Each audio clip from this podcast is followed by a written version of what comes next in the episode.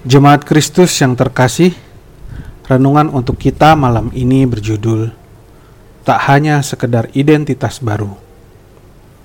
Dan bacaan kita diambil dari kitab Efesus 4 ayat 17 sampai dengan ayat 24. Beginilah firman Tuhan.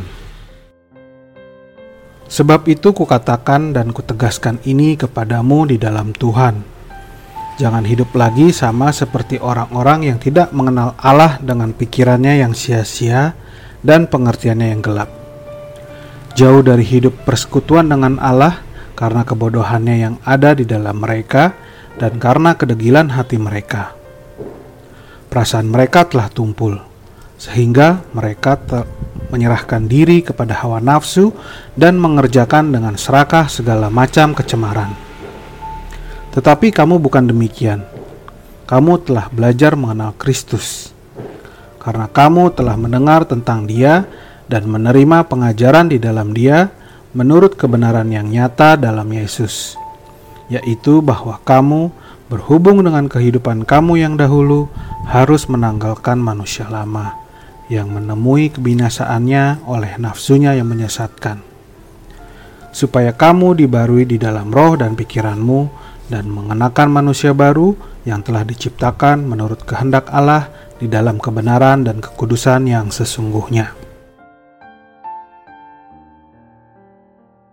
Di Jepang sedang muncul tren yang sebenarnya memprihatinkan, yaitu johatsu. Budaya ini membuat seseorang yang melakukannya menghilang dari peredaran. Ia dengan tiba-tiba menghilang tanpa jejak dan tanpa berpamitan kepada siapa pun.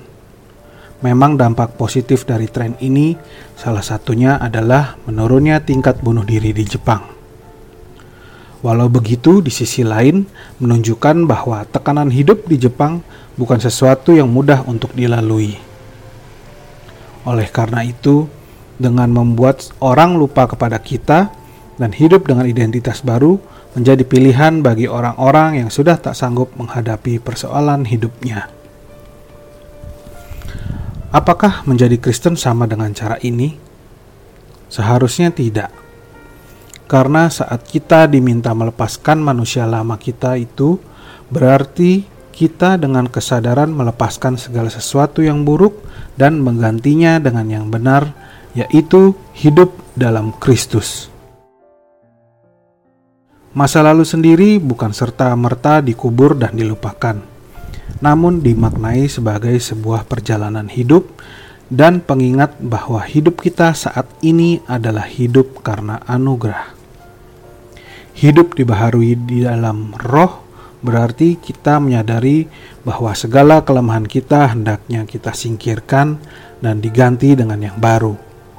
Bukan dengan curang hanya sekedar menolak masa lalu, dan tak malu mempertanggungjawabkannya. Kita tetap pribadi yang sama, hanya mendapatkan pembaharuan hidup dalam Kristus, dan kita memiliki kehidupan baru yang lebih layak untuk diperjuangkan. Bertanggung jawablah dengan segala hal di masa lalu, sembari terus memperbaiki diri demi masa depan. Hadapi itu bersama Tuhan. Demikianlah renungan malam ini. Semoga damai sejahtera dari Tuhan Yesus Kristus tetap memenuhi hati dan pikiran kita. Amin. Jemaat yang terkasih, mari kita bersatu hati, masing-masing menaikkan pokok-pokok doa yang ada di dalam gerakan doa 21 GKI Sarwa Indah. Mari kita berdoa.